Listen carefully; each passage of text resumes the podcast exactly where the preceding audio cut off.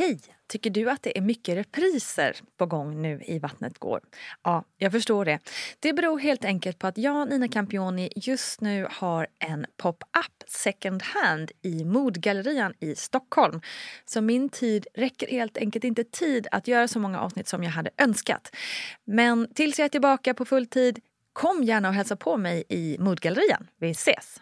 Hej, hej, hallå världens bästa lyssnare! Ja, för ni är faktiskt det. Världens bästa. Jag fullkomligt älskar när ni hör av er, mejlar och stannar och pratar på stan och nu också köper min och vår bok. Ja, för nu är den här. Så himla skoj. Jag och Gudrun har alltså skrivit boken Vattnet går som är liksom en ny typ av gravidbok som riktar sig till alla föräldrar oavsett kön. Men också till kompisen som vill stötta ensamma mamman eller farfar som vill veta, veta mer om hur han kan stötta helt enkelt. Så kolla jättegärna in det och eh, glöm inte att feedbacka, det gillar vi. I det här avsnittet så får ni helt enkelt höra min story om hur Rocco kom till världen. Jag passar också på att bjuda in min kära vän och poddkollega Anja Forsnor som samtidigt får berätta om sina upplevelser med dottern Lilly. Jag och Anja har ju dessutom en annan podd tillsammans, en helt e egen bebis skulle man kunna säga. Världens bästa människor heter den podden, ett väldigt blygsamt namn, eller hur? Men oj vad glada vi skulle bli om ni ville lyssna på den och utvecklas tillsammans med oss. Som vanligt är ju Gudrun Abascal med även i det här programmet men eh, nu så får jag helt enkelt lämna över till mig själv och då till Anja Forsnor. Have catch yourself eating the same flavorless dinner three days in a row? Dreaming of something better? Well, hello fresh is your guilt free dream come true baby. It's me, Gigi Palmer. Let's wake up those taste buds with hot, juicy pecan crusted chicken or garlic butter shrimp scampi. Mm. Hello Fresh. Stop dreaming of all the delicious possibilities and dig in at HelloFresh.com. Let's get this dinner party started. Hi, I'm Daniel, founder of Pretty Litter. Did you know cats tend to hide symptoms of sickness and pain? I learned this the hard way after losing my cat, Gingy. So I created Pretty Litter, a health monitoring litter that helps detect early signs of illness by changing colors, saving you money and potentially your cat's life. Pretty Litter is veterinarian developed, and it's the easiest way to keep tabs on your fur baby's health right at home. Go to prettylitter.com and use code ACAST for 20% off your first order and a free cat toy. Terms and conditions apply. See site for details. Hey, it's Paige DeSorbo from Giggly Squad. High quality fashion without the price tag? Say hello to Quince. I'm snagging high end essentials like cozy cashmere sweaters, sleek leather jackets, fine jewelry, and so much more. With Quince being 50 to 80% less than similar brands and they partner with factories that prioritize safe ethical and responsible manufacturing i love that luxury quality within reach. Go to quince.com slash style to get free shipping and 365 day returns on your next order. quince.com slash style. Hey it's paige desorbo from giggly squad. High quality fashion without the price tag. Say hello to quince I'm snagging high end essentials like cozy cashmere sweaters, sleek leather jackets, fine jewelry, and so much more. With Quince being 50 to 80% less than similar brands.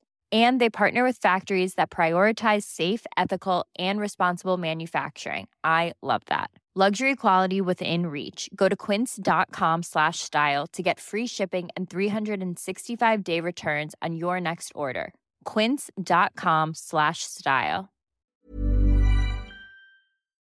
Annie, du blev gravid. Hur planerat var det? Eh, kanske inte så planerat egentligen. Eh, vi ville ha barn. Eh, vi hade varit tillsammans i fyra år. Då. Ehm, och jag slutade med p-piller. Så rent liksom, vi fattade ju vad som kunde mm. hända. Ehm, men vi hade väl också någon liksom, bild av att det skulle kunna ta väldigt lång tid. Och man hör ju om folk som försöker väldigt länge. Mm. Så vi tänkte väl att eh, men det kommer väl dröja kanske ett år. Kanske. Så vi, vi liksom började inte försöka utan vi mer bara eh, slappnade av, åkte på semester. Kravlöst sex. vi åkte till Thailand i två veckor och eh, när vi kom hem så var jag gravid. Ja. så first try. Boom. Mm. Mm. Hur kändes det då? Läskigt. Mm. Jätteläskigt. För jag var också så himla inställd på att det skulle ta lång tid. Um, så att vi hade väl, och vi förlovades också under den där resan. Aha.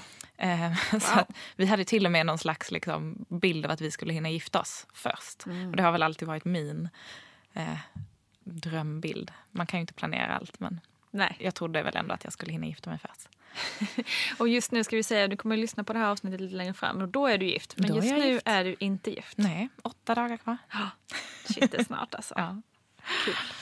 Men mm. nu har ni en, en söt liten tjej med istället på bröllopet. Ja, en liten brudnäbb. Ja. Ska hon ska vara med i, i själva vigseln? Ja, så här en vecka innan så är det planen i alla fall. Mm. Så får vi se hur det kommer gå. Hur känns det nu då? Att liksom, ni hade tänkt att ni skulle vara gifta innan men nu mm. får ni istället eh, fira det här med Lilly. Ja, men jag tycker det känns ännu bättre. Ja. Alltså, och sen är det, det är ju absolut eh, liksom speciellt. Nu har ju inte jag planerat ett bröllop utan barn. Men det är ju svårt att hitta tid när man har en tvååring mm. hemma. Att liksom, de här kvällarna när man skulle behöva planera försvinner ju på ett annat sätt. Men det känns jättehäftigt att hon får vara en del av det. Mm. Det förstår jag. Mm. Ja, vi återgår. Okej, okay, så ni kom mm. hem från Thailand och du, hur märkte du, kände du teckne, tecken på att du var gravid direkt? Eller? Nej, men inte direkt utan eh, liksom, livet, livet flöt på som vanligt och sen så, det var som att det kom över en natt. Eh, jag kommer ihåg att vi skulle gå och träna, både jag och min kille tränade kampsport ihop varje söndag. Så vi skulle eh, sticka iväg och träna och när jag vaknade på morgonen så kände jag mig bara så här, att det var något i kroppen tänkte nu håller jag på att bli sjuk. För att jag kunde inte identifiera vad det var, men jag hade den här känslan att så här, jag är inte helt hundra. Men eftersom det var så kort varsel så kunde jag inte avboka passet. Så jag tänkte att jag går dit och så tar jag det, tar jag det lugnt. Mm. Vilket kanske inte är förknippat med kampsport och ta det lugnt. Men vi gick dit och körde det där passet och efteråt så mådde jag så illa. Och så sa jag också så här, och detta var i februari, och jag sa att nu vill jag ha semlor. Jag är så himla sugen på semlor. Och han bara tittade på mig. Han bara, du äter inte semlor. Du tycker inte ens om det. Nej. Jag bara, nej, men nu är det det enda jag kan tänka på. Han bara, okej, okay, hon är ju konstig liksom. um, och sen så, um, ja, men så flöt en dag på. Och sen så var det som att när jag skulle somna på kvällen, som att jag bara fattade. Liksom. Och sen så... någon insikt? Liksom. Ja, men det liksom. var som att så här, poletten ramlade ner. Ja. Sen bara, hur kan jag inte förstå att jag är gravid? Och sen så låg jag vaken hela natten och kunde inte tänka på något annat. Och sen smet jag upp på morgonen och gjorde ett test. Som jag då hade hemma. Och då visade det sig att jag var gravid. Mm. Men Marcus fick inte vara med på själva testet Nej, så att säga? jag väckte honom. Och så här, Älskling, följ med in på toaletten. Jag måste visa en sak. Och han bara, det här är så konstigt. Vad ska du visa inne på toaletten klockan fem på morgonen? Men ja, sen fick han ju se. Mm. Mm. Så då blev det skräckblandad förtjusning eller vadå? Ja, men lite så. Mm. Såklart vi var jätteglada, men vi var nog väldigt chockade. Och sen mm. tyckte jag det var så konstigt, för att detta var ju liksom en måndag morgon. Och sen var det bara så här, ja, puss hej då. Och sen gick vi iväg och jobbade på varsitt håll. Och så kändes det som att så här, allting hade förändrats, men man kunde inte säga det till någon. Mm. Så konstig känsla. Ja, men det är ju speciellt. Liksom. Från en dag, en dag man är inte gravid, nästa dag ja. har man ett livslevande någonting inom sig. Hur var det med Rocco? Var han planerad? Ja, det var han ju. Um, vi bestämde, alltså vi visste väl ganska tidigt att vi ville ha ett syskon till eh, Essie. Men jag kände väldigt starkt väldigt länge att jag absolut inte ville vara gravid igen. Jag mm. var så osugen på det. Och då hade jag ändå haft en väldigt bra graviditet. Så det var inte så att jag hade mått dåligt eller tyckte det var jobbigt egentligen. Nej. Men jag bara kände att åh, det, var, det blev ändå sån himla frihet när man liksom blev av med den här stora magen. Och, och man och liksom, får tillbaka sin kropp efter ja, amning och allting. Ja, men det var liksom. mycket mm. som bara kändes så stort motstånd till att, att göra den grejen igen. Plus att jag var ju väl ganska rädd för förlossningen. Liksom, jag var ju lite traumatiserad av den första. Och det var ju mm. anledningen till att jag startade den här podden också. um, så det var väl lite motstånd så. Men jag vill ju, vi ville ju väldigt gärna ha en syskon och till slut så gick ju den, blev ju den viljan större. Mm. Liksom. Så jag eh, slutade med p-piller och eh, vi började försöka. Och eftersom det första gången med Essie då så tog det, var det precis som för er. Det tog ju mm. sju dagar. så var man gravid. Nästan provocerande. Ja men precis. Mm. Men då blev man ju också lite så här, när det tog lite längre tid mm. så blev man lite så här, ha, nu konstigt liksom. Um, så efter um, Ja, men det är kanske två månader, vilket ju absolut inte är lång tid. Men eh, då började jag känna, känna lite symptom. Alltså jag fick lite så här hjärnsmak i munnen som är ett litet tecken och lite, så här, lite smågrejer. Jag kände mig lite tröttare och lite sådär. Och eh, kände att jag är nog gravid men det var för, liksom lite för tidigt för att ta, det syntes inte på någon sticka så jag tog ändå några sådana där, några test. Hur många? eh, jag tog nog tre. Ja, du gjorde det? Ja, det tror jag. Liksom, bara för att jag inte kunde låta bli. Mm. Och sen, eh, men sen någon vecka senare så fick jag en blödning eh, som var inte som en vanlig mens utan det var någonting. Liksom. Så jag var ganska säker på att det var ett eh, tidigt missfall. Mhm. Ehm, eller ja, jag vet, det måste ha varit det helt enkelt. För Ja. det var helt apart från när jag brukar ha mens. Mm. Och, eh, och det var liksom också en liten annorlunda blödning på något sätt. Mm. Man, ja, du vet hur man känner att det inte är Man exakt likadant. ja, precis. Mm. Ja, så, och faktiskt måste jag säga, tacka mig själv. För tack vare den här podden så har jag också insett att missfall är så extremt vanligt. Mm. Så även om man blir liksom bes- besviken och så, här, så kände jag ändå, ah, ja men det här det är inga konstigheter. Bara, nu sätter vi fart igen. Liksom. Mm. Så det var skönt. Jag kände mig lite mer förberedd på just det här med missfall. Starkt för att det är många som har berättat om det i, i den här podden. Men så försökte vi igen. Men jag tänkte ändå så här, men jag, eftersom jag ändå är, då var jag ju 38. Så tänkte jag, eftersom jag ändå är 38 så tänker jag att jag behöver boka en tid på gynekologen bara för att liksom kolla så att allting Mm. är bra. Och liksom, så här, om det, och kanske få ett svart på vitt att det var ett missfall. Eller så, här, liksom. så då gjorde jag det och då träffade jag en herre här i Stockholm som undersökte mig och så frågade han om jag ville också kolla äggreserven, vilket man kan göra, så se hur många ägg man har kvar. Så tänkte jag, ja, men det är väl lika bra. Så gjorde vi det och sen eh, bad han mig mejla med honom om några dagar för att få resultatet. Så mejlade jag och så fick jag svar. Så här fick jag svaret. Så här.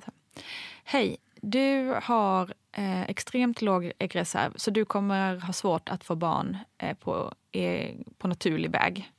Hoppas du inte blir alltför sviken. Hej då! Nej, Så, det var svaret. Jag började störtböla. det gör jag nästan nu också. Ja men alltså, Gud! Och alltså det var det så fruktansvärt. också. Få det inte på mejl. Jag bara satt vid köksbordet och bara okej. Och liksom. Jag kunde bara liksom så här, inga extra svar eller liksom. Det är som att få en dödsdom Ja, nästan. exakt så kände jag. Alltså, ja. Jag blev så ledsen och bara grät och grät och grät och grät. Och grät. Så skrev jag tillbaka istället för att ringa. så skrev jag tillbaka. Så bara, men vad betyder det här? Vad, fin- vad kan man göra? Och liksom så lite pan- Mm. pan- panikartat mejl. Och så skrev han tillbaka. Ja, men det, vad skrev han? Jo, det finns äggdonation. Hej, tack och hej. typ Nej, men- så. Alltså så här, Gud, vilken total- mysig- ja, men så mysig jä- I efterhand har jag blivit så jäkla arg. Ja. Och har faktiskt anmält det också. Du har det? Till, ja, Ja. till ledningen där. På det stället jag var på. Ehm, Så fruktansvärt okänsligt. så jäkla dåligt. Eh, och liksom ingen som helst eh, alternativa liksom, vad, man, vad det finns att göra eller vad man kan liksom, Eller göra få själv. ny och sådär. tid att komma tillbaka och prata Ja, om exakt, alternativ eller exakt. Så, liksom. i- verkligen. Och så, tack, och så då grät jag kanske i två, tre dagar. Helt och, Mm. alltså, så här, tills jag hade pratat med tillräckligt många vänner som hade liksom så här, försäkrat mig om att det finns massa andra sätt att göra. Och Mm. det finns det här kanske inte... Och, och också att det behövs ju faktiskt bara ett ägg för att bli gravid. Och, och så vidare. Kände du ännu starkare liksom, längtan efter att bli gravid? när du Extremt mycket. Ja, Lite så revansch nästan. Ja, och så var det liksom också att den stora sorgen jag kände då verkligen förstod jag att shit, jag vill ju verkligen Mm. ha fler barn. Innan var det liksom så här, jo men jag vill ha fler barn, det vill jag nog. Så. Men nu var det Som att man kunde beställa dem. Liksom. Ja, precis. Men nu var det verkligen, herregud, det bara kändes i hela kroppen hur mycket jag ville bli gravid. Liksom. Mm.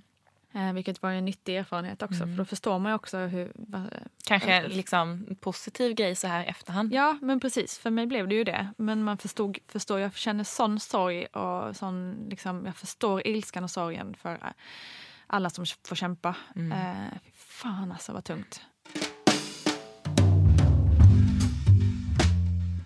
Den så kallade äggreserven, vad är det för någonting? Ja, hur har du själv med äggreserven? Sisådär. Ja, min är helt slut kan jag säga.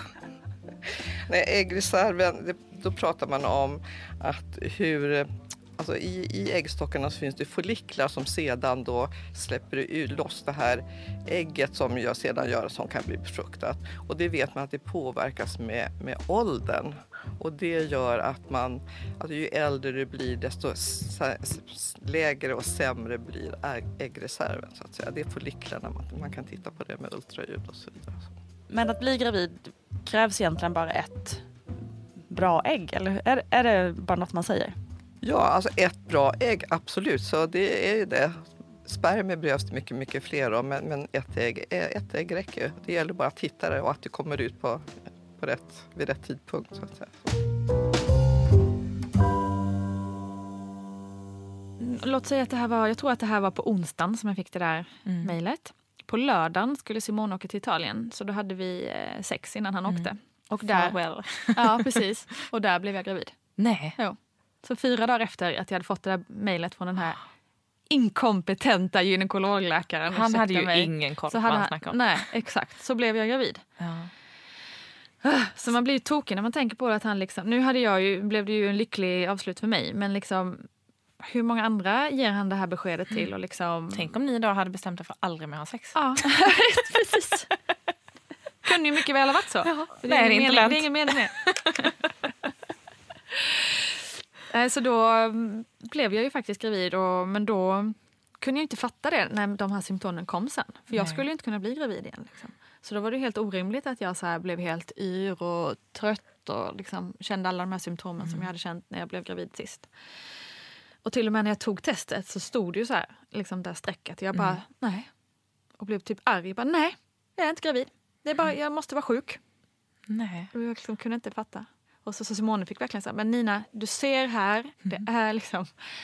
Och då, ja, då började man gråta igen. Liksom. Blev Och, det är väl ofta så också att står det på stickan att man är gravid, då är väl det väldigt säkert. Men däremot Ja. kan det ju stå att man inte är Ja, det. men väl. precis. Exakt. Så då var det ju verkligen Fattar. shit. Det är...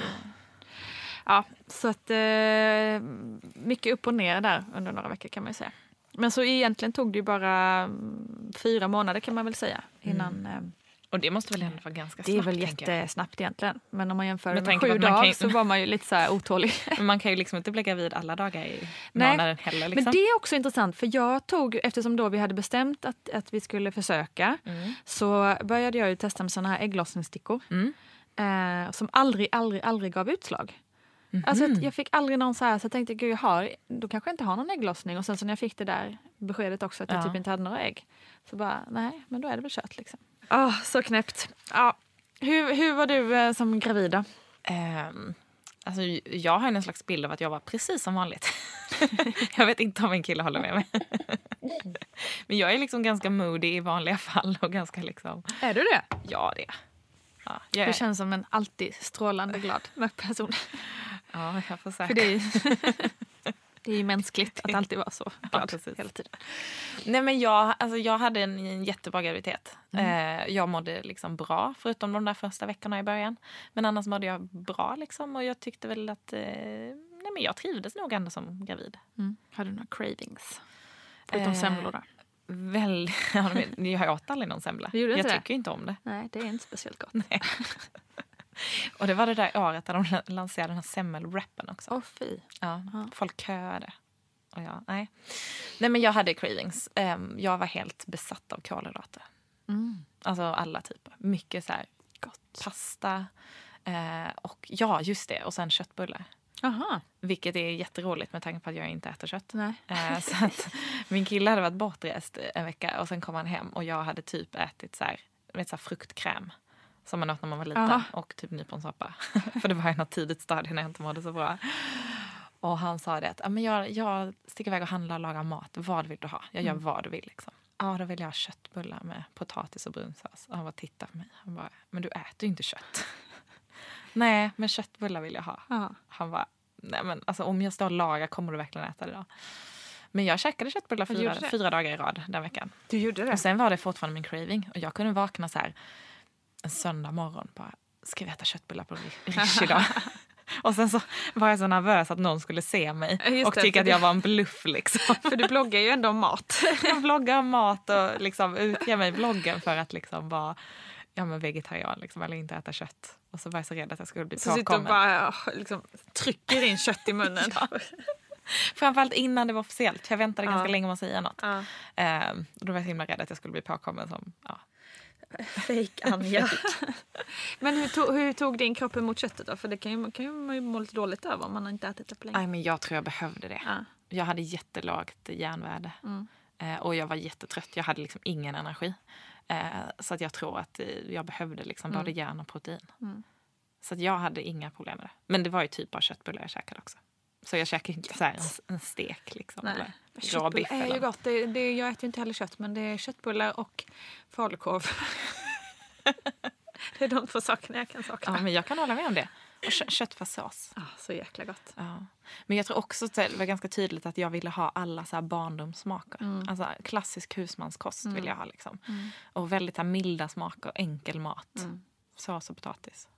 Gott. Inte så här hälsosamma sallader, kål, broccoli, öh, fisk. Alltså allt sånt som jag i vanliga fall älskar. Och det tyckte jag var lite jobbigt. För jag kände Ja, men man liksom... blir lite personlighetsförändrad i det också. Ja, och också lite framförallt eftersom jag bloggar och skriver om liksom, mat Mm. och lite hälsosam mat. Och fick många kommentarer. Liksom, att så här, ja men du kommer inte gå upp något i vikt du som är så hälsosam. Och din bebis kommer att vara mer hälsosamma för du äter ju bara smoothies. Och mycket såna där liksom. Ah, Och jag kände att så här, ah, nej det där stämmer ju inte. Nej. Nej, precis. Men du skrev aldrig om det, eller berättade inte om det? Nej, inte, jag, gjorde det på slutet. Mm. Eh, för jag tycker också att det är en viktig del av det. Mm. Men jag tyckte det var ganska jobbigt första liksom, Mm. halvan av graviditeten. Att det kändes som att någon hade tagit över min kropp. Ja. Och framförallt eftersom det är det jag jobbar med. Ja. Att jag kände att jag liksom inte riktigt var mig Nej, själv. men det kan man ju förstå. Verkligen. När det är ens jobb, då stör det ju på helt andra dimensioner. Mm. Liksom. Hade du olika cravings med Rocco och Essie? Tänker just när det är en tjej och en kille. Jag hade, jag hade också kolhydrater på båda. Mm. Det var verkligen eh, pasta och bröd och Ja, sånt. bröd. Det kunde jag äta. Det ville jag ha hela Typ tiden. en så här ostfralla. Ja, så gott. Jätte, jättegott. Smör, ost och typ Ja. skivad gurka. Ja, Skulle precis. kunna leva på det. precis. Men som du sa, inget avancerat Nej. utan väldigt så rena smaker. Ganska mycket kall mat vill jag ha. Alltså typ så här mackor och, Ja. och så här. Inte allt för lagat. Nej. Ja men det var nog, annars, annars hade jag faktiskt inte mycket cravings överhuvudtaget. Däremot så Marocko, med Essie mådde jag ju liksom inget dåligt överhuvudtaget på hela, hela tiden. Men Marocko mådde jag ganska illa eh, de första 13 veckorna. Ja, du gjorde det. Mm. Det var ju inte kul. Och då var man ju väldigt glad över att man eh, var frilansande och egenföretagare så man kunde liksom sitta på soffan och jobba. Ehm, Det tänkte jag mycket på under Ja. graviditeten. Hur tacksam jag var Ja. att jag liksom kunde ligga i, i sängen och jobba från telefonen. ja. Och svara på mejlen eller blogga. Ja, man gör. precis. Ja, Jag tänkte verkligen mycket, för jag hade också när jag jobbade på Aftonbladet så hade jag en kollega som eh, spydde varje dag. Och ingen märkte någonting. Nej. Men hon berättade det sen liksom, när hon, när hon gick ut med Ja. att hon var gravid. Så bara, hon hade spytt på vägen, hon hade fått hoppa av tunnelbanan på väg till jobbet för att spy i en papperskorg. Hon hade spytt varje dag på jobbet. Man bara, Alltså hur kan man åh, liksom... det är helt otroligt hur man kan liksom tvingas lida i det tysta Mm. Och bara så här må skit och ändå ska prestera på jobbet. Och det spelar ingen roll ifall det sen blir officiellt. För att det är ju ändå skitjobbigt att Ja, gå runt och må exakt. dåligt. Och kanske så här, Exakt. klä upp sig om man ska hålla någon presentation inför folk och du ska prestera Ja. precis som vanligt Ja. samtidigt som du mår så jäkla Ja, dåligt. nej, det är helt otroligt. Jag är så jävla imponerad av alla kvinnor. Det är liksom Verkligen. helt otroligt. Nej men det är ju det här liksom att många väntar med att berätta länge och så. Du sa Mm. också att du gjorde det. Hur länge väntade du och varför? Liksom? Alltså till våra vänner så berättar vi ändå, ja men familjen berättar vi väl kanske så vecka 10-11 kanske. Mm. Eh, och för några vänner eh, vecka 16 tror jag. Något Mm. sånt. Men sen så gick jag ut med det i bloggen när, i vecka 20. Mm. När vi hade liksom gjort det här rutinultraljudet och vi visste att det var en tjej. Mm. Alltså för mig handlade det nog väldigt mycket om att jag hade väldigt svårt att tro på det. Mm. Jag hade jättesvårt att ta in det. Antagligen för att det gick så fort, att Mm. jag inte var liksom beredd. Och sen är det ju en, det är ju en konstig grej att fatta att det är någon som liksom... Att kroppen håller på att skapa ett barn. Mm. Det är ju så svårt att ta in. Ja, ja, nej, men jag fattar fortfarande inte. Trots Så att jag har fött två. nej, nej, precis. Det är inte det att det blir mer liksom logiskt när Nej, man väl har gått igenom hela sätt. resan. Det är... Nej, men så jag hade jättesvårt att liksom ta det till mig. Och sen var jag nog också väldigt så här... Det gick så himla enkelt att bli gravid så jag tänkte att det, det är inte säkert att, eh, att barnet liksom... Ja, men det är inte säkert att graviditeten vad ska man säga, slutförs eller någonting Nej. kan hända. Jag var så medveten om, om missfall så att jag, jag tänkte nog väldigt mycket på alla sådana grejer och vågade inte riktigt känna någon så glädje över det. Mm. Ehm, så, så därför, jag kommer ihåg när vi gjorde det full, första ultraljudet tänkte jag, ja men det här kubb och där Mm. i vecka 12 eller något. Så tänkte jag att ja, men när jag väl får se liksom, bebisen, då kommer det väl bli verkligt. Jag fattade fortfarande ingenting. och sen så när man började känna lite grejer så jag bara, nej, men det kändes fortfarande liksom konstigt. Och sen när vi fick liksom se att det var en flicka, då tänkte jag så här, men nu kanske det blir enklare för nu kan man i alla fall säga hon. Mm. Men jag fattade fortfarande ingenting. Så jag tyckte det var så svårt. Liksom. Och sen så just också att det syntes liksom inte på mig. Jag hade inte den här jag gick ju absolut upp i vikt, men jag hade ju inte den här kulan på magen. Nej. Den kom ju där Nej. någon gång kanske efter vecka 20. Ja men precis, det är ju rätt vanligt första graviditeten. Ja, så jag kände ju mig bara så här framtid. vätskefylld och plufsig och Ja. så här ur form. Mm. Och då är det inte heller liksom... Ja, jag, hade, jag hade nog bara väldigt svårt att ta det till mig. Mm. Och därför vill jag inte berätta det, för jag vill inte jinxa det. Liksom. Var du orolig mycket kring? Ja, men jag var egentligen inte speciellt orolig. Ehm, även om det kanske låter så. Jag var väldigt liksom lugn. Jag var nog bara att jag, mer att jag skulle vara väldigt förberedd när det väl hände. Mm. Sen tyckte jag också att det var lite svårt hur pass jag skulle förhålla mig till det i bloggen. För att jag bloggar inte så mycket om privata saker. Nej. Utan jag har alltid bloggat väldigt mycket liksom om mat och hälsa och delar med mig av saker jag gör. Men kanske inte så mycket om vad jag känner. Mm. Och inte så mycket om familj eller om mina relationer. Så att där var jag jättekluven. Hur pass jag skulle bjuda in. Jag är också lite, lite, lite mittemellan. För ibland kan jag liksom vara väldigt personlig och skriva saker. Men oftast inte ändå. Eh, men jag kände nog eh, vi, lite, lite samma som dig. Att jag väntade nog ganska länge med Essie. Eller länge, men längre än vad jag gjorde nu med Rocco. Ehm, det var, men det kanske också hade mer med det här att göra att man liksom inte fattade det själv riktigt. Och nu var det väl kanske lite mer... Eh, överlag har man ju känt sig mycket mer chill med allting. Mm. Eh, med andra gången. Att man... Äh, ja, ja, vi gör väl så här då. typ så. Men du är Ehm, så extremt cool med Rocco. Tycker du det? Ja. Vad fint sagt. Men du är ju det. Jag brukar ju säga att du är supermam. Ja, det brukar du faktiskt göra. Hur många dagar efter förlossningen var du på någon så här äventyrspark? Typ med Essie och familj? Sju dagar. Ja, det är ju inte normalt. Nej, det är nog inte normalt. Kanske inte det är nog många som också hade, om det hade varit vintertid eller något, som bara åk hem, RS-virus eller något. Ja, men det var ju någon farbror som kastade sig på mig och Just Lilly det. när hon var några månader gammal. Ja. För hon är född i november. Liksom. Som tyckte att jag skulle gå hem. Hålla sig hemma. Ja, För det var farligt att vara ute. Nej, men i bloggen så var jag nog... eh, För då kände jag ändå att jag ville dela med mig också av det här med eh, hur jag blev gravid. Alltså det här med problemet med läkaren och så. För jag kände också, också i mötet med många mammor här i podden och också liksom möte med många lyssnare så har man ju liksom verkligen, verkligen förstått hur många det är som känner behov av att höra berättelser och liksom inte känner sig ensamma i saker man går igenom kring det här. Så då kände jag också liksom både lite av ett ansvar och också att jag verkligen ville dela med mig kring mina tankar och liksom hur ledsen jag var och allt sånt kring det för att kanske hjälpa andra också. Kände du att det hjälpte dig själv också? Att det var lite så här Ehm, terapi att berätta ja, om det? Jo, men det gör det, ju. det? det gör det ju verkligen. Att man skriver av sig eller berättar av sig. Ehm, så absolut. Så det var nog liksom både för min egen del och Mm. lite för andra. Jag känner väl lite att man kanske ja, försöka hjälpa till där man kan. Moder Teresa.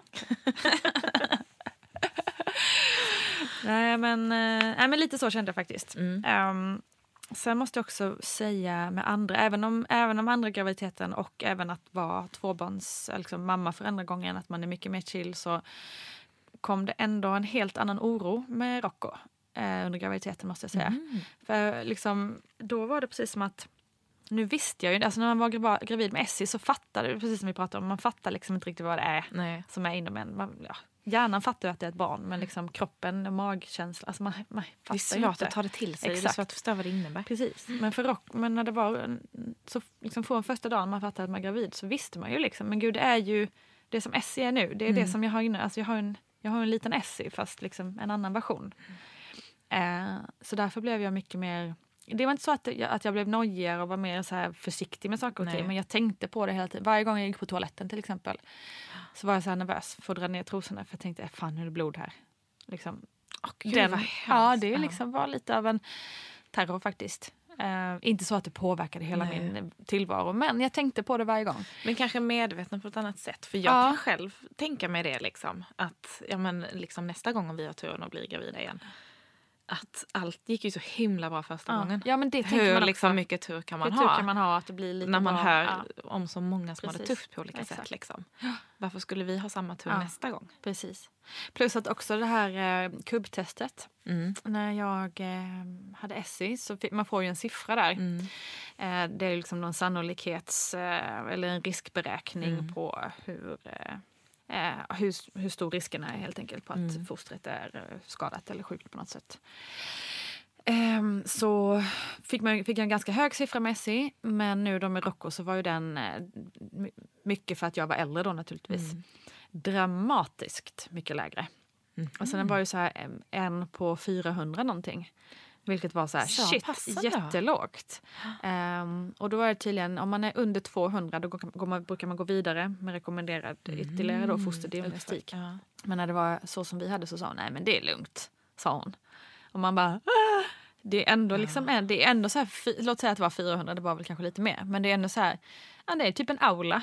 Ja, man kan ju ändå se det framför ja, men sig. precis, någon här inne ska ju få ett barn som inte är friskt. För jag tror vi och då hade skulle kanske... det verkligen kunna vara jag. Ja, Liksom. För jag tror vi hade så här en på 200 000. Ja, det ju... Eller vad som är. Ja, men precis. jag var 20, vad var jag, 28 när jag blev gravid. Liksom. Så att, eh, och då, då, då blev man också så här, men shit, fan att det, och att det bara då, för det är just, jag är ju samma person, jag har samma så här kött och blod, Och det är samma inte pappa. så många år egentligen. Nej, exakt. Och då blir man så här, men gud, är det verkligen sån extremt förfall in, inuti kroppen? Ja, vad- på liksom två och ett halvt år Ja. typ. Ehm, nu gick det jättebra, men det gjorde mig ganska nojig. Mm. Ehm, att jag tänkte att liksom, för, just för att den siffran var ändå så liksom, det gick att ta på på ett helt annat sätt.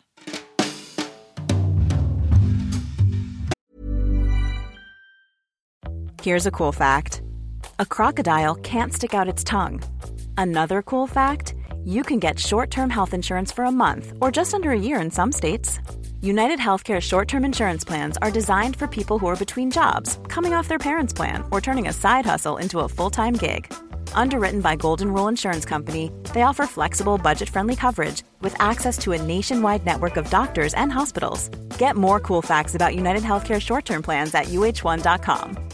Ready to pop the question? The jewelers at BlueNile.com have got sparkle down to a science with beautiful lab grown diamonds worthy of your most brilliant moments. Their lab grown diamonds are independently graded and guaranteed identical to natural diamonds, and they're ready to ship to your door. Go to BlueNile.com and use promo code LISTEN to get $50 off your purchase of $500 or more. That's code LISTEN at BlueNile.com for $50 off. BlueNile.com code LISTEN. Ever catch yourself eating the same flavorless dinner three days in a row? Dreaming of something better? Well, HelloFresh is your guilt free dream come true, baby. It's me, Gigi Palmer. Let's wake up those taste buds with hot, juicy pecan crusted chicken or garlic butter shrimp scampi. Mm. Hello Fresh. Stop dreaming of all the delicious possibilities and dig in at HelloFresh.com. Let's get this dinner party started.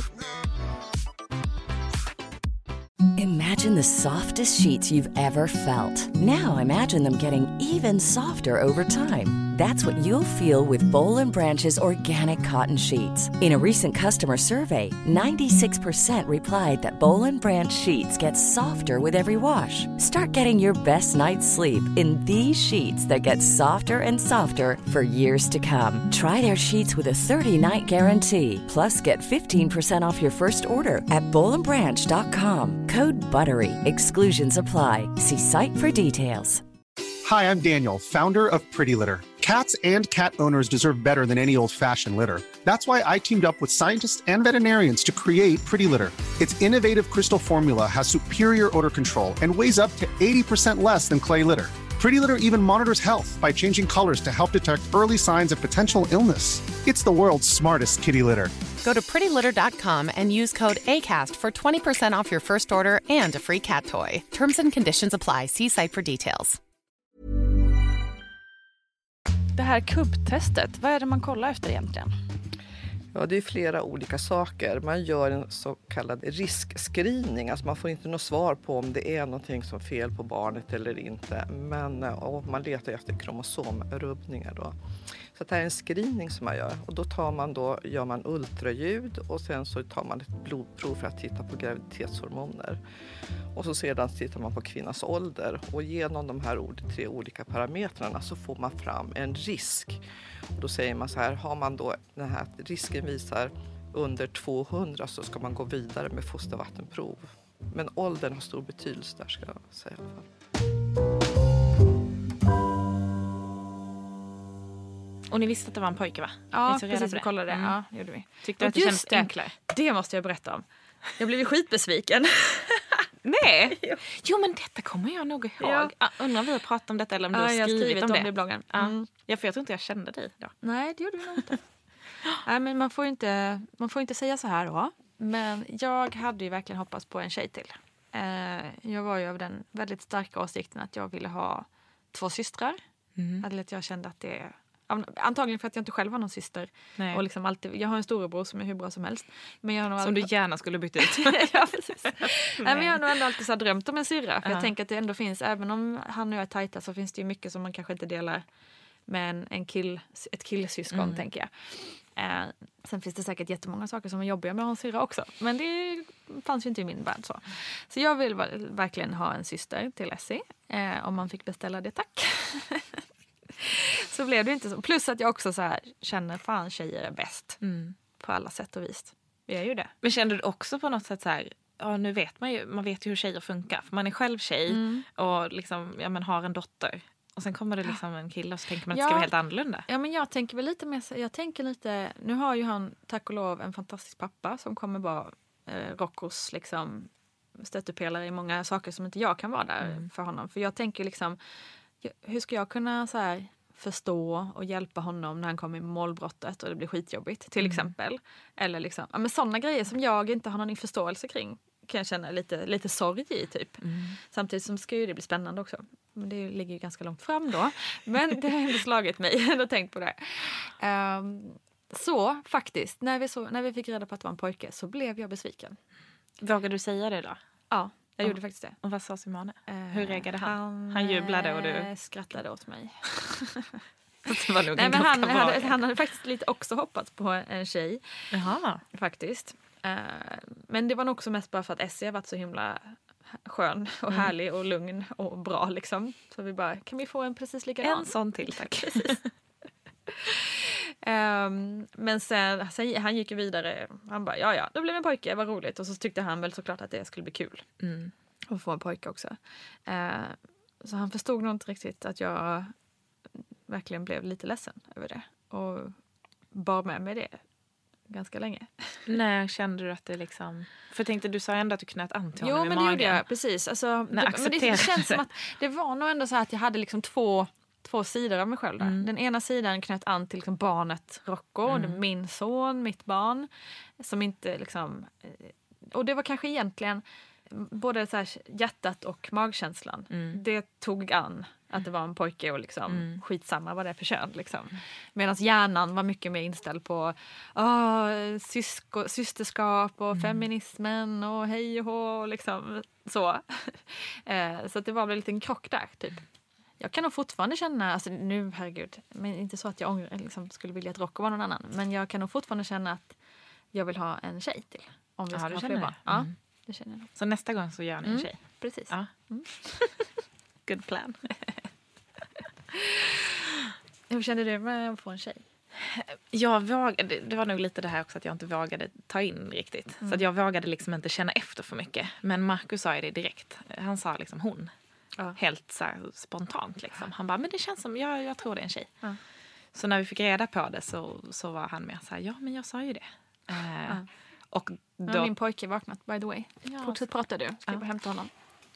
Nej men, eh, men jag kände då också så här, jag har liksom Ja, men jag har en syster och man är själv tjej så på något sätt kändes det mycket enklare att relatera till att få en tjej. Ehm, men eh, ja, nej jag vet inte. Härligt och roligt såklart. Eh, men jag hade blivit lika glad om det var en pojke. Säger du nu ja. Efter konstruktion. Nej men det hade jag. Sen så... Det känns som att jag har snackat skit om alla pojkbebisar. Så är det inte meningen. Nej men och sen, och det är ju känsligt att prata kön. Jag fattar Ja. att man är egentligen inte riktigt får göra det. Men jag har väl någon dröm om att man vill ha både en pojke och en flicka. Ja. Om man kan få beställa det. Nej men då, det var lite det också jag kände. Men det roliga var för jag tänkte fan nu skriver jag det här i bloggen och kommer, bli, eh, kommer folk Mm. tycka att jag är helt i huvudet. Men jag fick faktiskt ganska, jag fick bara fi, fina och bra kommentarer. Du fick det? Ja. Ja. Men det var många som kände igen sig i liksom Mm. att bara det här får man ju typ inte prata om men så skönt att någon Nej men det. alla känner ju så. Ja, ja. Och man fattar ju själv att det är inte helt okej att tycka någonting om det. För att man ska vara så himla tacksam över att Exakt. man, man kan bli gravid och att man liksom får ett barn. som Samtidigt kan man ju inte friskt, förneka men- vad man känner. Liksom. Exakt. Jag tror också att bara man pratar om det så känns det väl lite bättre. Ja. Liksom. Gick du över tiden eller kom du före? Ehm, jag var beräknad på fredagen och det drog igång på söndagen. Mm. Så det var väl ganska, liksom, ja, men två dagar över tiden. Mm. Säga. Eh, och eh, jag hade haft förverkar ganska länge, alltså i några veckor. Eh, så att, så att så här, ja, men det gjorde ganska ont. Liksom. Kom, kom och gick och det kunde liksom kännas... Eh, men jag kunde ha förverkar så här, två timmar en kväll och sen kunde Oj. det gå två dagar. Okej. Så att Men det, var det aldrig så att ni typ var på väg in? Liksom? Nej. Nej. Och där var jag nog också ganska... Jag var nog väldigt ändå trygg på något sätt under hela graviditeten. Och, ska man säga, jag åkte inte in och ringde sällan min barnmorska. Så här. Det kändes Nej. som att kroppen liksom hanterade det bra. Och, och så här. Men, eh, nej, men aldrig så att det kändes som att det var på gång. Men jag hade liksom haft ganska mycket förverkar så jag hade lite fått känna på Mm. hur, det, hur det kunde kännas.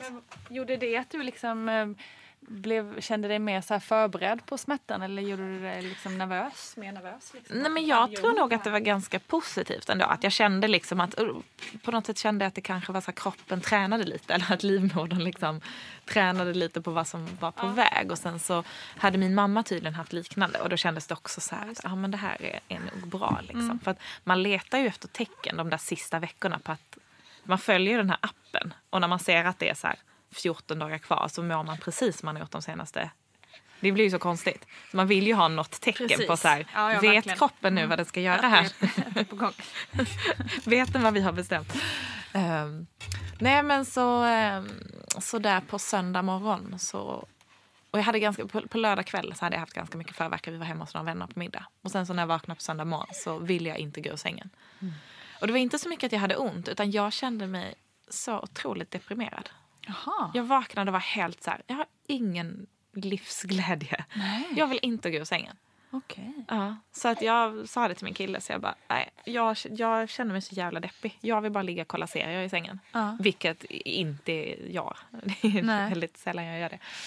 Men så att jag stängde in mig i sovrummet och låg och kollade på Girls. Ehm, och sen så slumrade jag lite igen. Jag hade lite så molande mensvärk. Men jag hade ju haft det ganska mycket så att jag tyckte inte att det var något konstigt. Och sen kom jag ihåg att han gick iväg och handlade lite mat. Och sen när han kom hem så frågade han liksom hur jag mådde. Och då sa jag det att men, det är så himla konstigt för att jag har liksom jättemycket mensvärk. Och det håller i sig och är ganska kraftigt och sen så bara släpper det. Men sen kommer det igen.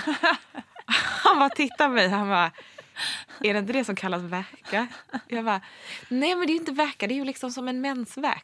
Och jag, jag fattade inte för jag trodde att det skulle vara en helt ny typ av Ja. smärta. Men det här kände jag ju igen. Det kändes ju bara som en jättekraftig mensvärk. Och det är ju klart, varför, det kan ju inte vara en ny känsla. Det är ju, alltså, det är ju fortfarande min kropp. Men jag var nog inte beredd på att det skulle vara så bekant på något sätt. Jag trodde att jag skulle bli helt precis. golvad för att så här, nu kommer jag känna något som jag aldrig har känt förut. Men, eh, och sen så blev det lite liksom, intensivare och eh, vi började liksom klocka dem och jag ringde till BB Sofia. RIP, som inte finns längre.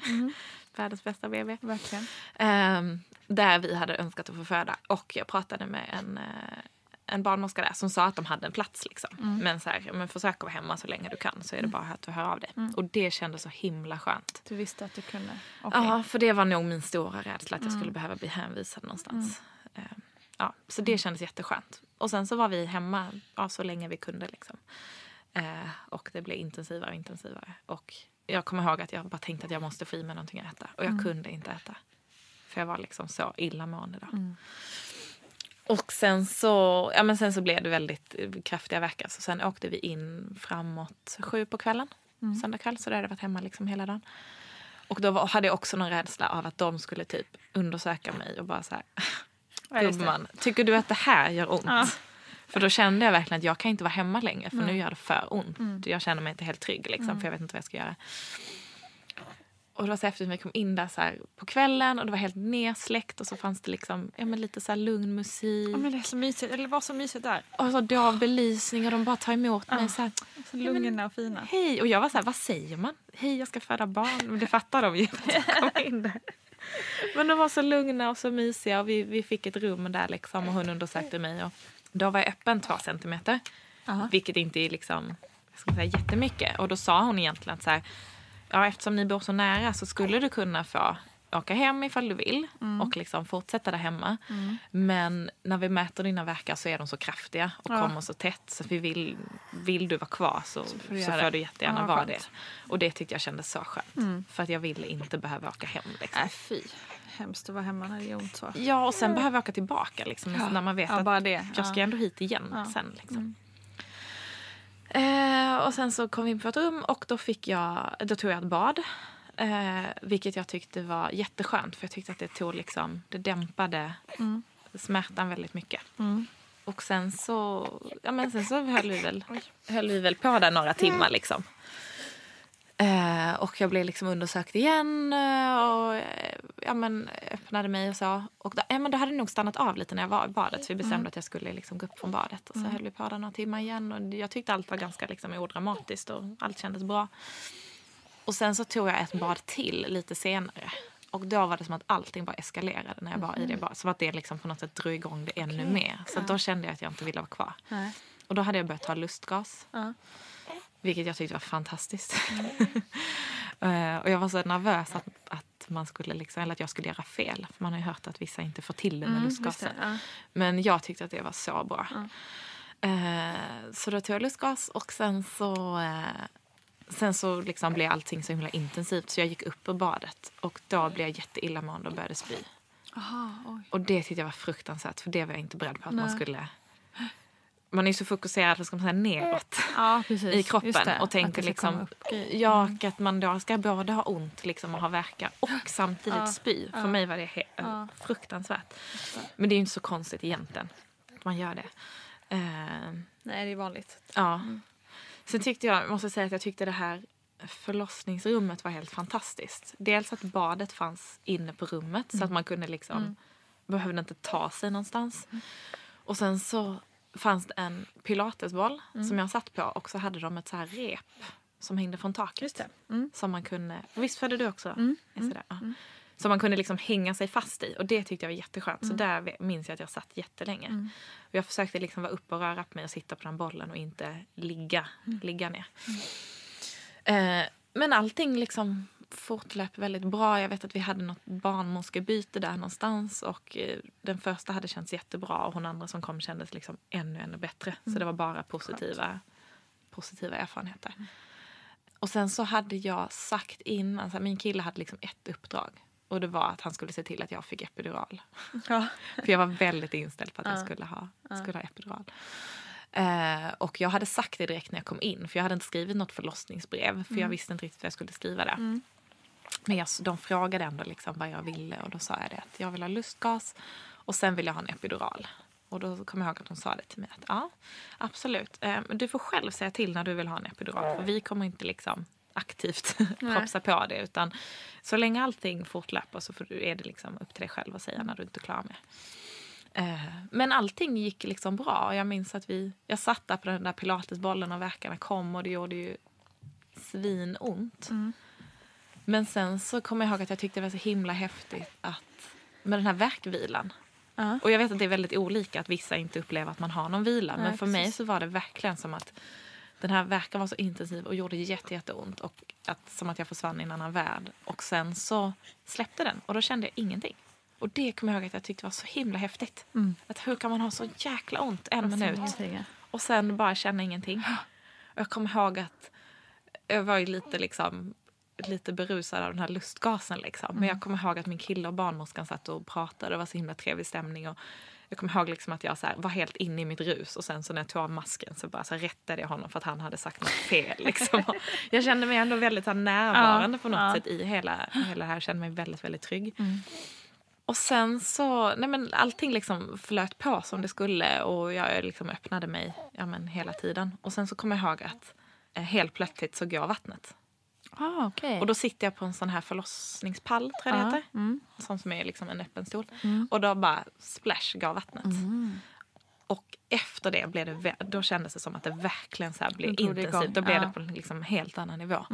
Och då var jag öppen 8 centimeter tror jag. Ah, wow. Och då kommer jag ihåg att barnmorskan säger att så här, men om jag tar din hand så kan du känna i håret på hennes huvud nu. Oh, shit. Jag bara, va? och det var ju så sjukt och då Ja, gjorde jag ju det. ja. Och jag bara, men gud, är hon liksom på väg? För jag hade inte fattat det. Nej, nej visst. Ehm, och då hade vi pratat lite om så här, hur jag ville föda. Och, så här, och vi hade kommit fram, fram till att jag skulle ja, men, stå på knä på den här sängen. Eh, och liksom hålla händerna mot, mot eh, ryggstödet eller vad man säger. Eh, och då kommer jag ihåg att hon säger det. Så här, men nu är det nog snart dags att vi flyttar dig och liksom gör oss redo. Och jag bara, va? Nej men, jag ska ju ha epidural liksom. Och då blir min kille skitstressad. Han bara, Ja, ja, för det skulle han se till. Nej, men hon ska ha bedövning, hon ska ha bedövning, hon ska ha epidural. Så här. Vi kan inte föda utan epidural. Eh, och, och de bara så här, vill du verkligen ha det? Ja. Så jag bara, nej, vi, vi kör på. För att jag var så himla rädd att det skulle stanna upp också. Precis. För det hör man ju. Och det hade ju ändå gått väldigt, väldigt fort då. Ehm, så att då kände jag att nej men nu, kör vi på för nu vill jag liksom göra klart. Eller vad man säger. Nej men så, så vi, jag flyttade mig liksom och eh, intog den positionen vi hade bestämt. Och sen så upplevde jag det som att det gick väldigt snabbt. Jag vet att jag läste i min, eh, min journal efteråt att jag hade krystvärkar i 20 minuter. Och det, det låter ju jättelångt men för mig, alltså, jag uppfattade det som att det var typ två krystvärkar. Men gud vad härligt. Det kände, och det är så sjukt också vad som händer när krystvärkarna kommer. För att det känns som att då blir man verkligen den där typ urkvinnan. Alltså man låter Ja, nej, på det är ett helt- annat sätt. Alltså, häftigt. man blir helt liksom förändrad. Och man, Så nästan hör, fokuserad. man hör typ sin egen röst. Bara, Är det jag som låter så? Men det är också häftigt och jag tyckte det var väldigt skönt när man kunde så här, jobba kändes som att man kunde jobba mer aktivt. Som att man inte liksom Man kunde göra någonting värken. istället Utan, för bara, ja, men precis, istället för att, bara ont. Ja. Så det tyckte jag var väldigt häftigt. Jag hade en jättebra barnmorska som verkligen liksom, ja, men, jag guidade mig på ett jättebra sätt. Liksom. Och Hon sa liksom när jag skulle hålla igen och allt det där. Eh, nej, och sen så, så kom hon. Eh, och då kommer jag ihåg, då sa hon också så här att, att eh, här, nu när hon kommer så, så liksom lägger jag henne precis liksom under dig och så kan du själv ta upp henne i famnen. Och det, var också, det hade vi absolut inte pratat om innan. Men det var ju skithäftigt. Ja. För då fick jag ju nästan den där känslan att det var jag själv som, så här, Som drog ut ja, henne. ja. Vilket var så konstigt. Eh, och sen kom hon. Vad sa hon? Höll på att säga. Hon sa hej mamma. Bra jobbat. Nej men. Hur eh, kändes det då att ha henne, ha henne där? Ja, men det känd, jag tror jag blev helt så här. Jag blev liksom helt stum, helt tyst. Nästan så här, inte likgiltig men jag var så här, jag var nog lite i chock. Ehm, och absolut, liksom positiv upplevelse verkligen. Men jag var så här, va? Och sen så var det så sjukt när jag tittade på henne. Jag bara, ja men här är hon ju. Det är ju så hon ser ut. Det var så konstigt som att så här, man har ju funderat så länge liksom, hur kommer hon se ut? Kommer hon vara lik mig? Kommer hon vara lik liksom Marcus? Och sen så när hon kom så var det som att vi hade setts förut. Som att jag så här, kände Ja, igen henne. Ja. Eh, och Marcus grät ju såklart. och det var så här jättefin stund. Och jag kommer ihåg liksom, ja, men bara minuterna efter hur man var så här helt i något slags lyckorus. Liksom. Också så att skönt att det var över och att det, det gick så bra. Och jag kommer ihåg att min barnmorska, som var helt fantastisk, hon sa det. Hon bara, alltså vilken fantastisk förlossning. Jag Ah, bara, ja wow. eller Ja, men det låter ju verkligen extremt. Det låter lite så här textbook eh, exempel nästan. Det låter ju jag hade verkligen, bra. och jag tycker på något sätt om man, om man när man fortfarande ligger liksom Mm. på förlossningen minuterna efter och själv kan säga att det var en fantastisk förlossning, Ja, då måste det ju ändå vara, bra. vara ganska bra. För då har man ju alltså Gud, fäst härligt i minnet. Så det var verkligen en... Nej, jag är sjukt tacksam över att allt gick som det skulle. Och hon Mm. var väldigt stark också. Så att hon blev liksom inte så påverkad av, av förlossningen Nej. liksom under tiden. Vilket också gjorde att jag kände mig väldigt trygg. Liksom. Det är nog för att du äter så, äter så nyttigt. Ja, det och- måste måste vara alla köttbullar på Rish som, som gjorde det. Ja, Ja. men låter ju super vad härligt Ja, att få gå ifrån med en sån lyckad det, var, det var otroligt häftigt. Och sen så kommer jag ihåg att ja, sen så skulle man ju krysta ut den här moderkakan vilket var hemskt. Men jag var väl ganska förberedd på det för jag har några kompisar som hade haft lite jobbiga upplevelser med det och behövt opereras och sånt. Så att jag var väldigt medveten Ja. om att så här, är det inte over. Nej, precis. Det kan man bli lite chockad av Ja, annars. Eh, så det är jag också glad för att jag hade liksom ändå färskt i minnet någonstans. Och det gjorde ju skitont men det gick ganska fort så det var inte så. Och så fick jag sy några stygn. Vilket jag absolut inte liksom brydde mig om Nej. där och då. Och det är väl också en rädsla som... Jag lyssnade på något eh, av dina tidigare avsnitt här. Någon som sa att hon var så himla rädd för det. Och det är väl allas rädsla att Ja. spricka liksom. Det är typ det enda man Jo, får det är, träffa. precis. Det är det enda som man kan... Det känns också som det enda som är lite verkligt innan man har, har fått barn för första gången. Att man bara shit spricka liksom. Att spricka och Ja. att typ bajsa på sig under förlossningen. Precis. Alltså kan inte tänka mig något värre. Nej, In- exakt. Innan, nu är det så här. Exakt. Alltså, nu bara couldn't care less. ja, verkligen. alltså spricka förstås om, om man spricker så illa att det blir alltså, riktigt dåligt. Ja, men, självklart. Men jag sprack också med sig så jag fick sy fem stygn. Mm. Och det liksom, för det första märkte jag inte att jag sprack. Nej. Och att sy var inte heller, alltså det är klart det var ju inte skönt men man fick ju bedövning och så var ju det färdigt. Nej, men precis, man märkte ju inte av det. Nej. För jag kommer ihåg att de la någon bedövningsspruta och den kändes ju inte ens. Man är ju så Nej. himla öm. Ja. Alltså, Men vilket, eh, det här med att bajsa på sig det har vi faktiskt inte pratat om i podden Nej. än. Och det är också många skräck. Mm. Och det är inte så konstigt för det känns ju som höjden av skämmighet typ. mm. Inför sin kille och liksom ja, personal. och inför folk man åh, inte känner. hemskt. Eller, Ja. ja. du vet. Det måste ju vara fruktansvärt. Jag, ehm, jag har ingen aning om jag bajsar på mig. Tänkte precis, för jag trodde du skulle ställa frågan till mig. Ja, om men jag, tänkte jag skulle göra det också. Har du bajsat på dig? Jag har ingen aning. Nej. För att om jag gjorde det så märkt, ett, Nej. märkte inte jag det och två skötte de det. Så precis. himla snyggt. Och jag kommer ihåg när, man, när jag satt på den här förlossningspallen, för jag satt där ganska mycket på slutet när det började så här, ja men det kommer ju vatten, det kommer ju Mm. blod, alltså det händer ju ganska mycket grejer liksom. Men eh, då hade man ju något sånt underlägg under sig. Exakt. Och det bytte de ju hela tiden. ju, ja, ja, så att jag har verkligen ingen aning. Nej. Nej, ja, precis. Jag, jag tänkte på det när, jag, eh, när mina krystvärkar gick igång med Mm. Rocco. För då kändes det verkligen som att shit, nu skiter jag på mig. För Ja. nu, är, nu liksom trycker det neråt på alla håll som Mm. finns i min kropp. Och det finns ju bara två hål där nere. Liksom. Så Och det känns ju som att... Som det känns ju som att man bajsar på sig. Ja. Alltså världens största bajskorv. Typ. man, ja. Men det känns ju snarare som att bebisen ska komma ut ur analen. Ja, så känns det faktiskt. Ja. Exakt. Eh, men, så det är möjligt att jag gjorde det, men det, det är helt omöjligt att Mm. veta för det var ingen som sa något och det var inget som märktes. Och just därför så spelar det absolut ingen Nej. roll. Alltså, Nej. och det är verkligen något så här... Ja, men om, om man ska liksom föda för första gången och Ja. man är rädd över det. Alltså, Nej, det, Det kan man ju vara helt man- lugn över Ja. att man inte bryr sig för fem öre Nej. om det skulle hända. faktiskt. Men jag kommer ihåg, jag måste bara säga, jag kommer ihåg jag tyckte det var så himla häftigt. Ja, men så här, jag, jag blev sydd och sen så skulle vi väl typ gå till rummet liksom. Men innan det så frågade de om jag ville gå in och ta en dusch. För de hade ju liksom ett litet badrum där i förlossningsrummet. Och jag kommer ihåg hur bisarrt det var att efter hela det här bara ställa sig upp, gå iväg helt själv och liksom, ja men då klä av sig och gå in och ta en dusch. Ja. Och sen bara, Som om inget har hänt. som att ingenting hade hänt. Jag kommer ihåg att jag tittade på mig själv i spegeln och bara, är det här ens möjligt? Ja. Ska, man kunna, ska man kunna göra det här? Ja, Man blir så jävla häftigt. imponerad av sin kropp. Ja. Alltså, det är helt Och då kände jag ju otroligt. mig helt så här, då kände jag mig som en superwoman. Och när vi skulle gå tillbaka till rummet, det var ju inte långt. Men då kom jag ihåg att de så rullade fram en rullstol till Ja. mig.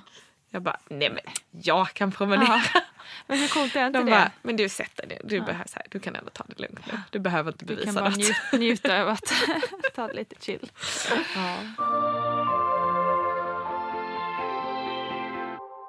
Men hur var, det, hur var det med Rocco?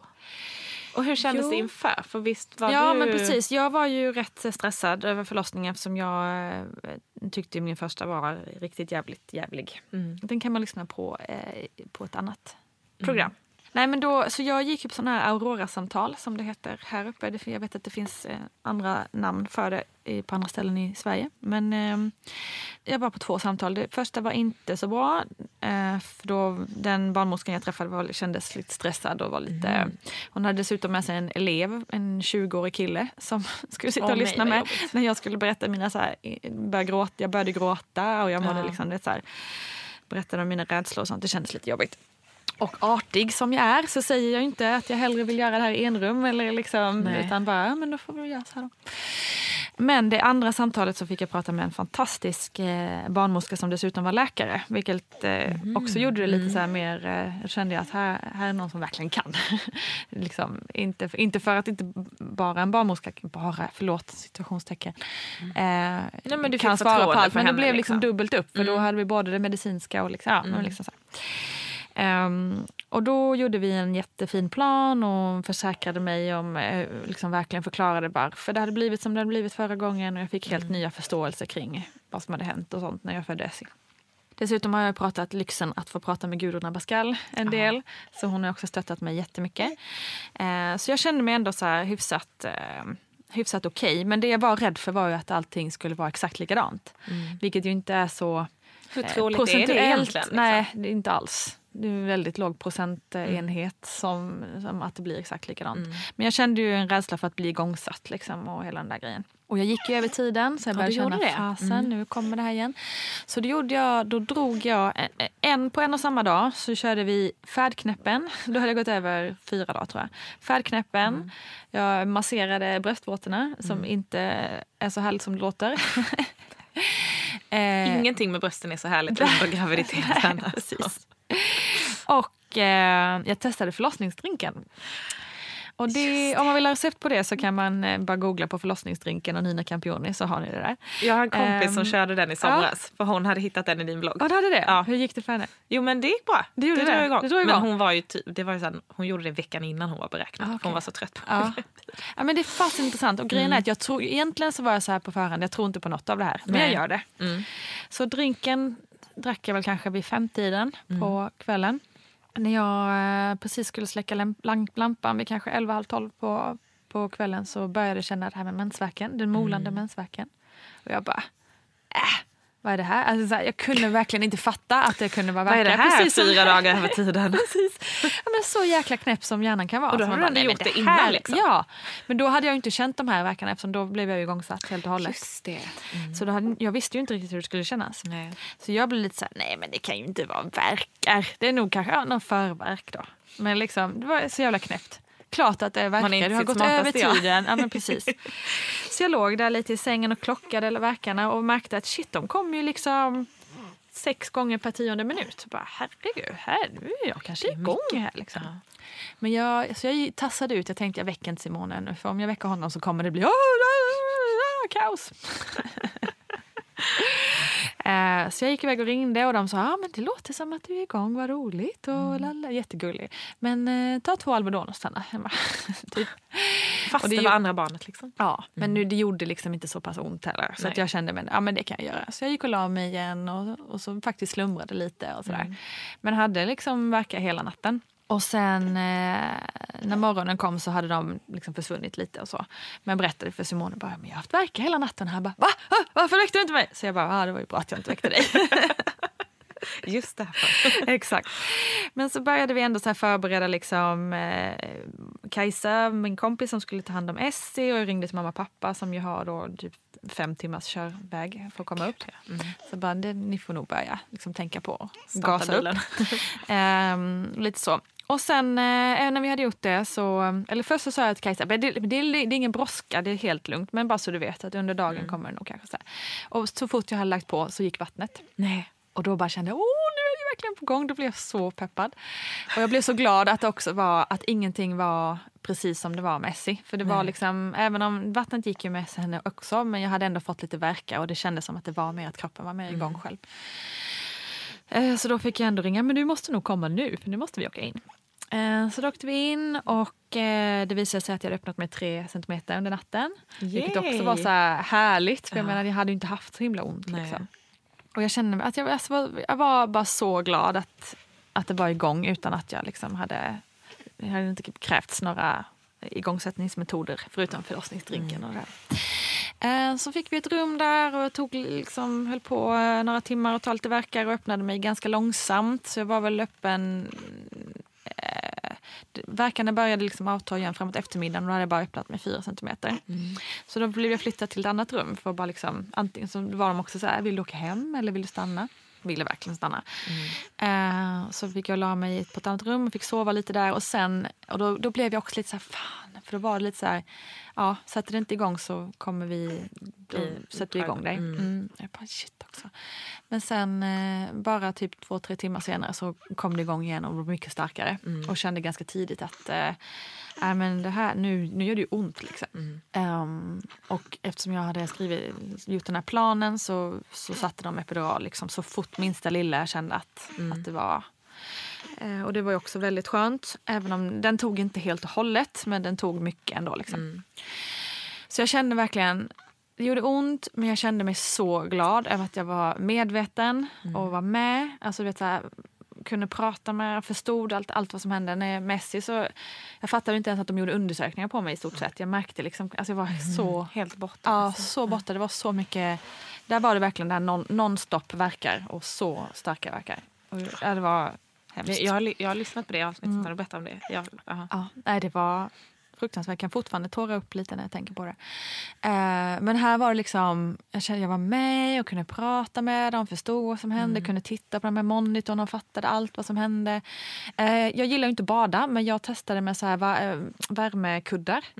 Jäklar, skitbra tips också. Gud vad det tog bort mycket smärta. Ja. Bara liksom med lite värme. Det är fantastiskt. Men bara flika in, för jag gillar inte heller bada i vanliga Nej. fall. Men just då tyckte jag att det var Ja, skönt. ja. Liksom. Men det är nog den här värmen Det är som gör värmen det. hjälper. Så Mm. det rekommenderar Och både att man fick känna sig lite så viktlös, vilket Ja, var väldigt tacksamt. Det. det är lite skönt.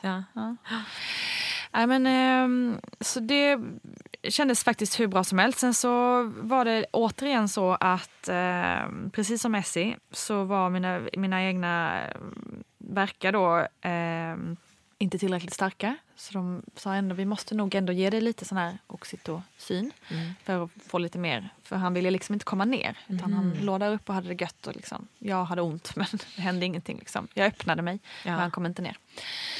Så då tryckte de ändå i lite sån där dropp. Och eh, jag kände ju bara, då var jag ju ändå så här, herregud, nu är det bara så lite kvar, nu kör vi liksom. Men då fick jag, då, då blev det ju sådär jätteont. eh, Ja, det blev det. Igen, Kände du en igen det från första Och då fick jag en sån flashback. Så det var ju snarare så, det kanske inte ens gjorde lika ont, men känslan var lite detsamma. Så att jag blev rädd och började liksom kriga mot smärtan. Eh, precis som jag gjorde med Messi. Och panikade. Och, liksom, eh, och barnmorskan då, hon var, liksom, hon var ganska hård mot mig där, vilket kan säkert var bra så här i efterhand. Men då tyckte jag ju väldigt synd om mig själv, för jag började gråta och sånt. Hon bara, men vad är det som händer nu? Nu får du skärpa till det här. Nu, ingenting är som förra gången. Nu kör vi. Så här. Och jag, tyckte bara, jag ville ju bara att hon skulle klappa mig på huvudet och bara tycka synd om mig. Vilket inte hade hjälpt dig Det hade inte hjälpt mig överhuvudtaget. alls. Men där och då tyckte jag bara det är ingen som förstår mig. Men, men på något sätt så lyckades jag med lustgas hjälp och Simones och den här barnmorskans hjälp att liksom komma tillbaka till eh, andning och att liksom bara kämpa igenom. Och det gick eh, eh, faktiskt bra. Och, men då låg jag ner på rygg och jag hade ju liksom bestämt mig för att föda i samma ställning som du. Och för att det, det är ju mycket bättre med tyngdkraften neråt och sånt. Så jag hade ju sagt det, jag vill gärna vända mig så här liksom innan det är dags. Och sen så, men sen plötsligt bara när jag låg där och precis, alltså det var precis som att precis hade tagit en van, vanlig inom citationstecken ehm, verk. Så bara började min, att det var hela, det var så jäkla tryck neråt. Nej. Alltså det var utomjordiskt nästan. Jag bara liksom såg hela magen bara rörde sig neråt och jag fick den här känslan av den jättestora bajskorven skulle komma. Och bara men shit, det hände, det hände någonting här nu liksom. Och då fick jag också känna på eh, hans huvud. Ja, du gjorde det? Ja, skithäftigt. Så bisarrt. Så besatt. Och så sa hon bara, men nu, eh, vad sa hon nu? En liten stund innan det här så sa hon bara, men inom, inom en halvtimme är han ute. Och då kändes det först här, bara, men det är inte rimligt. För med SI så hade jag krystvärkar i typ 45 minuter eh, eller mer. Och bara, det tog aldrig slut liksom. Så jag var lite beredd på att det också skulle ta. När de jag har alltid tänkt så här, ah, när de säger tre verkar eller två verkar som du sa så tar det i själva verket typ en timme. Så jag bara, ah, ja det är ju skitsnack men okej då. De förskönar allting. Ja, men exakt. och så låg jag där och tryckte och tryckte och, och, och krystade och krystade. Och liksom, men ändå, det var så jävla härligt för jag var med. Jag var verkligen med hela tiden. Eh, men jag tyckte att det tog skitlång tid. Men jag, fick aldrig, jag hann aldrig vända mig. Nej, De sa det, vi hinner inte det nu. Och jag tänkte, men herregud, det hinner jag väl. Hur Jag ska hålla på en halvtimme minst. ja, ja, men får väl ligga här i alla fall. Och så tryckte jag och tryckte. Och, så, och, och liksom, eh, men det roliga var ju då att ehm, för jag tänkte fortfarande flera veckor efter att det här tog ju nog en halvtimme ungefär. Men jag skulle uppskatta, det var ändå kortare tid än Messi, men det tog nog en halvtimme i alla fall. Nej, jag läste i journalen. Sex minuter. Nej. Så man har ju noll koll liksom på, på Man har ju tidsuppskattningen. ingen uppfattning. Nej. Så jäkla häftigt. Men i alla fall så eh, kom det i alla fall. Då sa de i alla fall, men nu är det sista verken. En till bara. Och så tänkte jag bara, åh, ut med den. Och så bara, nej, nej, en till. Och så bara, åh, så tryckte jag. Och då kom han. Men då kom ju inget skrik. Och han var ill-lila. Han du Eh, se det? Ja, han ser det. Och eh, han hade ju då navelsträngen runt halsen. Eh, och det var ändå... På något sätt blev man ju iskall och väldigt fokuserad på att se vad det är som händer nu. Ja. Och hon daskade hårt på han i rumpan och liksom flera gånger. Sådär. Eh, men ganska snabbt så såg man ändå att det lila började avta och han gjorde något, någon form av rörelse. Han öppnade ögonen, han gjorde någon form alltså lite så. Så jag såg ändå ganska tidigt att han levde, alltså att det inte var något sånt. Eh, och jag hann aldrig tänka på andra skador liksom, som man kan Nej. få av, eh, av den här typen. Men, eh, men visst var det några sekunder att man bara så här, inte andades. Alltså att man själv bara, bara så här, vad är det som händer, vad är det som händer, vad är det som händer? Men sen rätt så snabbt så började, kom han tillbaka och blev röd och liksom blev mer och mer bebisfärg och Ja. kom upp på mitt bröst. Och Så de behövde aldrig gå iväg med Nej, honom? Liksom. nej. Så den känslan att få upp honom på bröstet då när, när liksom det varit så nära och liksom frågetecken i huvudet. Att Man bara, men alltså, då känner jag bara att den... Jag hade problem med anknytningen med Essie men här var det ju liksom bara, han bara få upp honom till mig, få upp honom till mig. Liksom. Det var liksom den största drivkraften där på några sekunder. Bara ge honom till mig, ge honom till mig. Och få upp honom och liksom direkt känna att hans hjärta slår. Han beter sig som en vanlig bebis och liksom, han är här. Typ. Det var jävligt stort. Och också då vara så medveten som jag var till skillnad från med Essie. Eh, Men så det, jag är det lät också som så, du hade en jättebra förlossning. Alltså jag är så jävla tacksam över den här förlossningen. Eh, Jag är nog liksom extra extra eftersom den första var jobbig så eh, känns det som en superrevansch. Verkligen. Och vad skönt att få uppleva det också. Mm. För jag kan tänka mig att det, det kan vara provocerande när man själv har varit med om något så jättetufft och sen så kommer någon annan, som jag då till exempel, som säger att jag hade en fantastisk förlossning. Att man inte riktigt kan förstå det heller. Nej, och jag alltså kunde inte så, heller... ja. Jag har liksom en kompis som sa det till mig innan, hon har fött två barn. Och hon bara, alltså föda barn är det häftigaste jag varit med om. Hon bara, det är så fantastisk upplevelse. Du, du har verkligen något att se fram emot. Jag kunde inte riktigt förstå vad folk... Nej. Jag tänkte så här, men nu förskönar de allting. Nu försöker Ja. de bara få mig att må bra. Ja, det där exakt. kan aldrig stämma. Nej. Men nu kan jag ju själv säga så till folk. Jag känner också det nu. Nu Ja. känner jag att eh, jag vill göra det igen. Ja. Faktiskt. Och det är så man vill känna ju. Ja. Ja, men verkligen. Det är helt fantastiskt och det är så coolt att det kommer ut en, en liten kille liksom nu som ligger i ens famn. Det är, Världens sötaste rock. det är faktiskt helt otroligt. Mm. Så det är bara, man blir så tacksam liksom.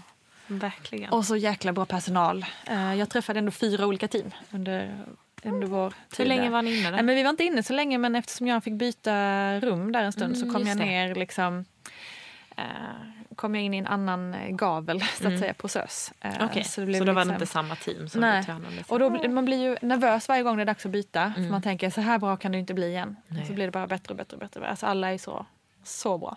Så Men stort tänk- tack till alla som jobbar med det här. Alltså absolut att det är så här personkemi och att man inte funkar med alla. Men alltså, det känns som att alltså, det ska mycket till om man får en dålig barnmorska. Ja, Eller i alla fall så. så. som, jag tycker alla jag Verkligen så. känner säger samma sak. Nej, att och jag- deras barnmorskor är fantastiska. Exakt. Det känns som att det är, det är liksom inte ett, bara ett jobb. Det känns som att det är deras kall. Deras De kall, verkligen ja. brinner för det.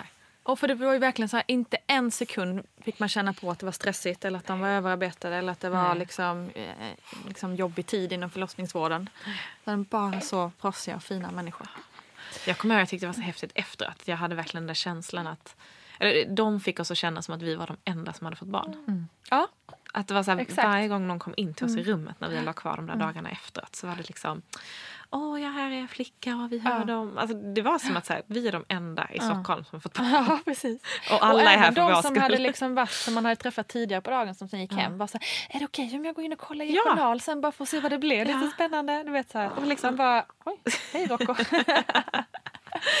det är så fint att de Ja. verkligen, verkligen bryr sig. Ja, men vi hade ju liksom vår första barnmorska som hon förlöste ju inte mig. Det var hon som gick hem efter några timmar. Mm. Hon kom ju liksom tillbaka efter två dagar och ville kolla allting. Och, Ja, men så magiska. beundransvärt alltså. Verkligen.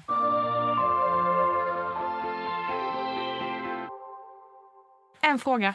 Mm. Vad skulle du tipsa om att man ska ta med sig i sin be- BB-väska? Ja, men, jo, då skulle jag tipsa om någonting, alltså ett skönt plagg att ha på sig med knappar fram till. Eller som är enkelt att öppna. Typ en så här nattskjorta. Eller vad jag säga. Att eller ha så här- efteråt eller att föda i? Nej, jag tar efteråt. Eh, Ja, men en del vill ju ha Ja. sina egna plagg när man föds. Jaha. Ja. nej, alltså jag var ju tvärtom. Ja, jag också. Jag bad ju om vi låg kvar. Ja, men hon kom så här natten till måndag, vi åkte hem på onsdagen så vi låg ju kvar någon dag där. Eh, och jag kommer ihåg att jag, för man blöder ju ganska mycket i början liksom. Eh, och jag bad om en ny sån här vit sjukhusskjorta. Och när jag hade bett om så här, den tredje nya, där, så dag tre eller något. De bara, ja alltså vi brukar ju rekommendera att patienterna tar på sig sina egna kläder. Det här är ju bara liksom under Jag de är så "Va? mjuka och Men den är sköna." så praktisk. Jag kan ju så här bara knäppa upp och så, så kan jag gå runt i den här. Och den täcker de här liksom hemska trosorna man har på sig. Jag hade ju med mig liksom lite så mjukiskläder. Ja. Men jag kunde, ville ju absolut inte dra på mig byxor och jag Nej, ville inte ha precis. någon tröja på mig. Nej. Så att, eh, Nej, men någonting med eh, knäppning är ju verkligen mm, toppen. som man enkelt kan amma Yes, i. För det är ju verkligen. typ det enda, om man då eh, försöker amma så är det det Mm. enda man gör de där första dagarna. Exakt. Vill du ha fler barn? Jag vill ha fler barn. Mm. Eh, jag vill inte bli gravid igen. Känner igen den. Ja, och, eh, det- och det, jag skäms egentligen för att jag säger det. För jag hade en bra graviditet och förlossning. Så jag har egentligen ingen anledning Mm. till att känna så. Det är nog bara att nu när Lilly är två år så känner jag att jag verkligen så är mig själv igen. Det tar ett litet tag att komma tillbaka. Mm. Det gör det. Ehm, och liksom, nu är det så långt ifrån amning. Det är långt ifrån liksom, ja, men jag känner mig stark och jag känner att jag har min kropp tillbaka. Mm. Och eh, livet är mycket enklare nu när hon är så pass stor. Mm. Så att, ehm, men vi kommer absolut försöka få barn igen. Ja, jag är inte jättepeppad just nu. Du får komma tillbaka till podden en annan gång längre fram. Ja, jag får göra det. Ja. Tack för denna gång. Tack så mycket Nina. Tack Anja och tack mig själv. Och tack till alla er som lyssnat. Vad roligt det var att få berätta om sig själv för en gångs skull. Glöm nu inte bort att lyssna på vår andra podd Världens bästa människor där vi pratar om saker som vi vill förändra och bli bättre på i våra liv. Superkul är den, jag lovar. Och så missa såklart inte vår bok Vattnet går som jag och Gudrun då har skrivit tillsammans. Det är en superbok på alla sätt och vis. Okej, nog om att sälja mig själv helt enkelt. Tack så hemskt mycket för att ni lyssnat och jag hoppas att ni kommer tillbaka till den här podden snart igen. Vi hörs! Producerat av Perfect Day Media.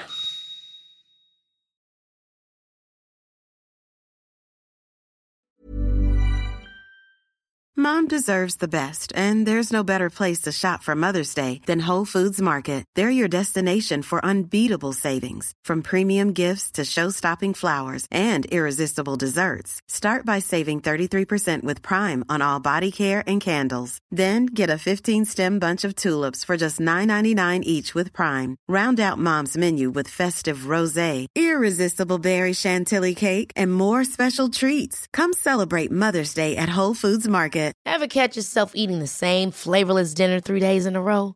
Dreaming of something better? Well, HelloFresh is your guilt-free dream come true, baby. It's me, Kiki Palmer.